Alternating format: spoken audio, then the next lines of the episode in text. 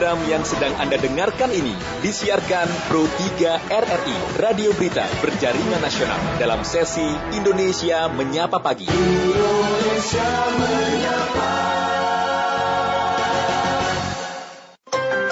Dialog Layanan Kesehatan kerjasama Pro 3 RRI dengan Fakultas Kedokteran Universitas Indonesia. Dan pendengar, kini kami ajak Anda untuk mengikuti dialog layanan kesehatan COVID-19 program kerjasama Fakultas Kedokteran Universitas Indonesia dan RRI. Adapun tema yang akan kami bahas dalam dialog layanan kesehatan COVID-19 pagi hari ini adalah mengapa tingkat keparahan COVID tiap orang berbeda. Apa penyebabnya? Dan kami akan berbincang bersama dengan Dr. Dr. Yulia Aryani Aswin SPA dari Departemen Biologi. Anda pun nanti juga dapat berinteraksi bersama kami di 0213523172, kemudian 0213844545 serta 0213866712 juga dapat melalui WhatsApp kami di 081 399 Segera kita mulai dialog layanan kesehatan COVID-19. Mengapa tingkat keparahan COVID-19 tiap orang berbeda? Selamat pagi, Dr. Dr. Yulia Aryani Aswin. Selamat pagi. Apa kabar, Dok? Alhamdulillah sehat. Iya. Sehat semua ya. Alhamdulillah kita semua dalam kondisi sehat ini ya, Dokter Yulia. Alhamdulillah. Iya. Baik, Dokter, kalau kita mengingat-ingat kembali ternyata hmm. memang betul bahwa setiap orang yang terpapar COVID-19 memiliki baik itu gejalanya ataupun betul. pada masa uh, COVID-nya pun juga COVID memiliki tingkat keparahan yang berbeda. Hal itu betul. kenapa betul. itu bisa terjadi, Dok? Iya. Uh, jadi secara umum itu dibadikan dibedakan menjadi dua. Pertama kan uh, faktor virusnya itu sendiri, kemudian faktor manusianya ya yang hmm. kemasukan virus. Nah kalau dari faktor virus kan uh, tingkat keganasan virus tuh beda-beda. Yeah. Ya kan, kayak kita tahu yang sekarang ini varian delta kan lebih ganas dari yang varian sebelumnya gitu. -hmm. Nah, terus kemudian uh, virus yang masuk ke dalam badan kita kan jumlahnya juga bisa beda-beda gitu ya. Nah, itu dari faktor virus. Yang kedua, yang sekarang sedang lagi banyak diteliti itu adalah faktor manusianya mm-hmm. gitu. Faktor manusianya apa? Yang sudah banyak dikenal itu misalnya faktor usia, ya kan? Ingat nggak? Kalau misalnya uh, dia sudah uh, usia di atas 60, itu gejalanya akan lebih berat Kemudian hmm. faktor jenis kelamin ya, kalau laki-laki dia bisa lebih berat.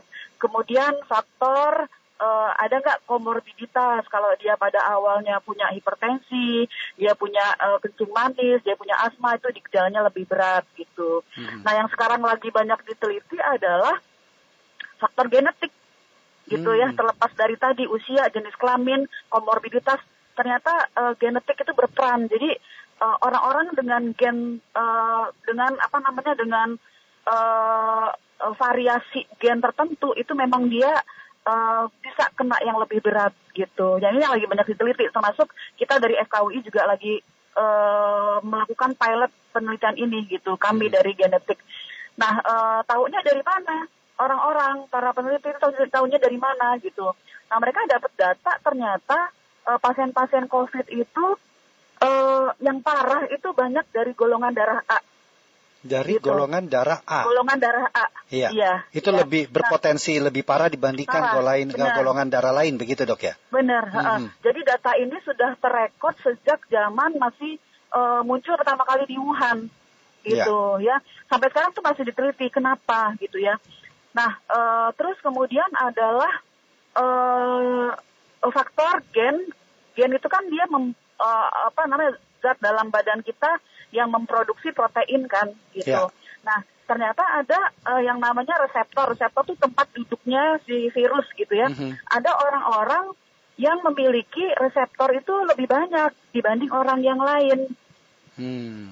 Gitu ya. Nah ini juga uh, menurut riset-riset arahnya ke sana gitu ya. Jadi uh, ada lima kandidat gen ya, lima gen yang sekarang sedang diulik-ulik ini uh, apa namanya arahnya mana yang lebih dominan gitu ya. Kalau yang gen yang untuk menentukan golongan darah ya. itu terkait dengan uh, respon imunologi. Kita tahu bahwa banyak reaksi imun yang terjadi uh, pada saat orang itu terkerang apa terserang sama virus COVID gitu ya. Mm-hmm. Kan dia terjadi reaksi inflamasi yang berlebihan ya kan sehingga reaksi uh, peradangan itu justru merusak uh, jaringan badannya sendiri. Itu kan reaksi imun gitu. Yeah. Nah ini katanya terkait dengan uh, kerja dari gen uh, golongan darah gitu. Yeah. Nah ada tiga gen lagi yang uh, apa namanya uh, oh satu lagi yang uh, uh, yang terkait dengan uh, reaksi dari si si virus itu mm-hmm. uh, ketika sudah menduduki uh, reseptor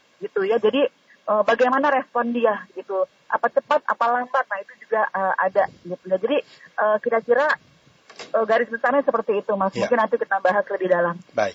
Dari ya. beberapa ya. faktor tadi, oke, katakanlah dari faktor uh virusnya sendiri itu bisa ya. bermacam-macam penyebabnya. Dari faktor ya. manusianya pun bisa kita lihat dari seperti apa kondisinya. Dari ya. uh, faktor uh, usia, dari faktor usia, komor komorbitasnya betul. dan betul. genetik tadi. Di antara ya. semua faktor itu mana yang paling menentukan ke tingkat keparahan ataupun tidak seseorang ketika terpapar COVID-19, Dok? Iya. Nah, uh, saat ini kan COVID masih sesuatu ilmu yang baru ya. Masih satu ilmu yang baru gitu. Ya. Memang uh, sejak timbul dia di Wuhan tuh banyak sekali penelitian mengenai COVID ini gitu. Namun karena dia masih sesuatu yang baru, itu hasilnya tuh masih kayak kontradiktif gitu gitu loh. Mm -hmm. uh, si Wuhan menemukan bahwa golongan darah itu uh, dominan kayak begitu ya. Hmm. Terus kemudian ada riset yang lain menentukan bahwa jenis kelamin itu lebih dominan. Jadi masih kayak uh, apa namanya? Subjektif masih, masih belum bisa pada, dipastikan ya dok ya? Iya uh, hmm. masih uh, kita hasilnya itu masih sangat bervariasi gitu ya. Uh, sesuai dengan perkembangan ilmu pengetahuan kan nanti lama-lama yeah. akan menjadi lebih uh, firm gitu ya yang mana sebenarnya karena kan dalam kondisi uh, pandemi dalam kondisi sedang ada wabah biasanya kan kita meneliti itu uh, misalnya uh, subjeknya terbatas karena ya. barangkali yeah. mungkin nggak semua bisa diteliti gitu kan nggak semua ada hasil darahnya lengkap jadi uh, keterbatasan keterbatasan itu yang menyebabkan uh, hasilnya mungkin masih sangat bervariatif mungkin kita Baik. menunggu lah dua tiga tahun ke depan supaya itu jadi lebih firm gitu sebenarnya yang mana ya. yang paling dominan gitu. Baik. Kita terima pendengar terlebih dulu dok ya. Boleh. Ada Pak Udin Boleh. di Boyolali. Selamat ya. pagi Pak Udin. Selamat pagi Pak Udin warahmatullahi wabarakatuh. Waalaikumsalam warahmatullahi wabarakatuh. Sarudin, Ibu Dr. Yulia, Departemen Biologi. Uh, apakah yeah. ke, uh, kalau keparahan itu yeah. uh, pasien mau parah atau nggak parah itu sembuhnya sama Bu, 14 hari yeah. gitu. Demikian hmm. terima yeah. kasih. Assalamualaikum. Waalaikumsalam warahmatullahi wabarakatuh. Iya, apakah Baik. parah tidaknya itu uh, proses penyembuhannya sama ini, Dok? Iya, uh, baik. Uh, terima kasih Pak Udin dari Boyolali. Saya mencoba menjawab.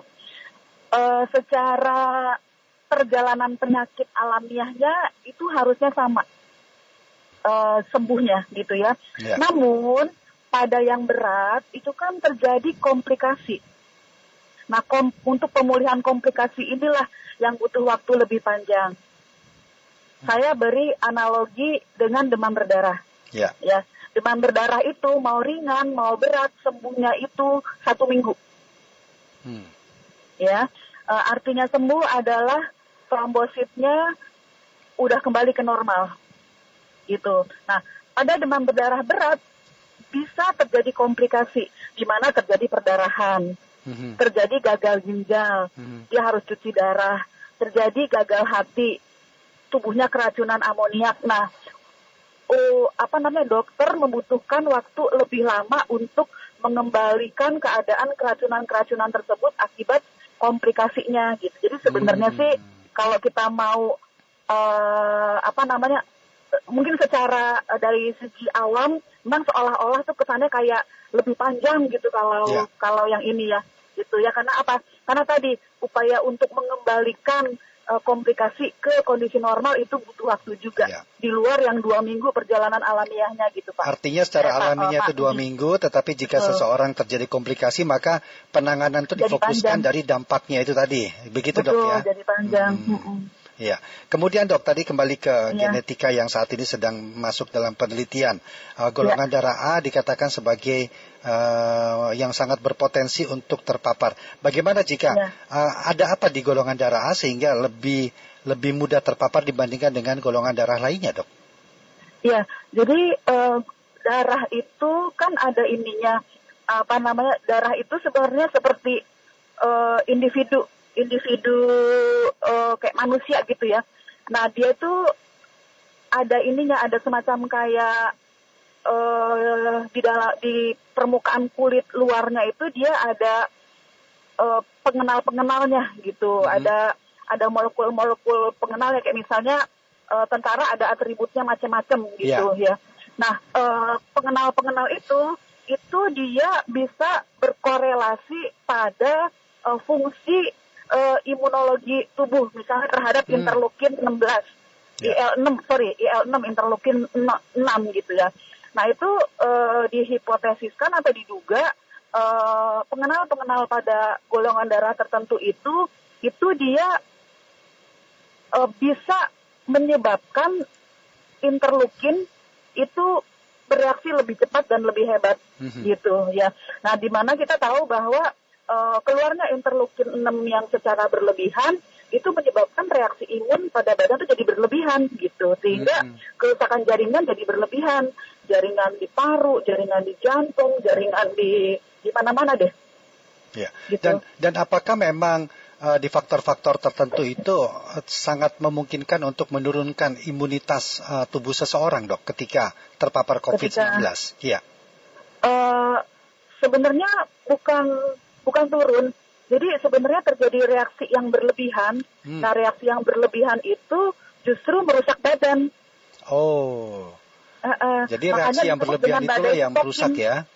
Uh, hmm. Makanya disebut badai sitokin gitu. Yeah, yeah. Nah sitokin itu kan dia uh, molekul-molekul peradangan, di mana itu normal. Reaksi peradangan adalah reaksi badan untuk uh, menetralisir virus yang masuk atau hmm. menetralisir bakteri atau jamur yang masuk ke dalam badan kita supaya maksudnya sih supaya mati si virus-virus itu gitu. Hmm. Tapi kalau karena dia membentuk uh, nya terlalu banyak, akhirnya yang dirusak nggak cuma virusnya, tapi jaringan sekitarnya ikut dirusak, jaringan parunya ikut dirusak gitu. Mm-hmm. Nah itu makanya disebut badai sitokin. Harusnya sitokinnya dikeluarin seperlunya aja. Nah ini dikeluarkan sebanyak-banyaknya dalam rangka mau menyerbu si virus itu gitu. Hmm. Seandainya nanti sudah ditemukan secara pasti bahwa ya. uh, faktor terbesar itu dikarenakan faktor gen seperti tadi uh, gen tertentu. Ya. Nah, ya. bagaimana eh, nanti dok solusinya dalam dunia solusinya dok, ya, ya manfaatnya, manfaatnya ya. apa? Seperti uh, apa nih dok? Ya, jadi uh, manfaatnya uh, pertama ini ini ini ini kita ya apa namanya uh, hipotesis kita ya dalam yeah. melakukan penelitian ini. Pertama adalah itu menjadi uh, faktor uh, faktor kita dalam menentukan perjalanan penyakit uh, seseorang gitu ya. Misalnya kita sudah menemukan gen tertentu gitu ya. Mm-hmm. Nah uh, dengan uh, dengan sini kita bisa bisa memilah-milah. Sekarang kan kita seperti kayak ketakutan. Yang mana nih yang bakal butuh ventilator? Yang mana nih yang bakal butuh ICU kan kita nggak tahu kan? Yeah. Uh, karena itu semuanya seperti kayak uh, tiba-tiba by chance gitu kan kebetulan gitu ya. Nah harapannya sih kita bisa jadi faktor prediksi. Mm-hmm. Nah kalau misalnya uh, kondisinya uh, pasiennya itu gennya yang ini gitu kan, oh tenang, biasanya sih dia akan seperti ini aja perjalanannya. Tapi kalau yang ini nih, oh ini kita mesti hati-hati nih. Mungkin yeah. kita suatu saat akan butuh ICU nih untuk orang untuk yeah. pasien tersebut. Gitu itu yang pertama. Mm-hmm. Yang kedua, kita bisa mencari target obat yang lebih uh, yang lebih uh, apa namanya, yang lebih pas mm-hmm. target jadi target obat gitu ya. Sekarang ini kan obat pertama ditujukan kepada virusnya yeah. untuk mematikan virus. Tapi ternyata virusnya udah mati, tapi badai sitokinnya masih jalan. Mm-hmm.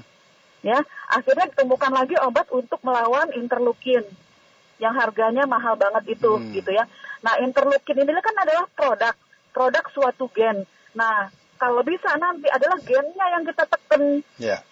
Karena ya, kan sebagai ada... orang awam kan khawatirnya dok begitu dinyatakan Betul. positif uh, cukup uh -huh. dengan isolasi mandiri ternyata faktornya adalah faktor gen. Nah tentu kan betul. harus ada penanganan yang lebih spesifik untuk mengatasi hal seperti itu. Betul betul ya. betul ya harapan kita jadinya nanti jadi akan lebih terang benderang perjalanan si virus ini dalam badan kita hmm. kalau kita udah pahami gen mana aja yang terlibat gitu sih. Ya, tapi kalau di Indonesia sendiri apakah dokter dan juga teman-teman ada temuan kasus seperti itu dok? Uh, yang mana nih? Yang golongan darah? Iya. Yang golongan darah. Ya, so far sih kita nggak menemukan fenomena itu. Mm -hmm.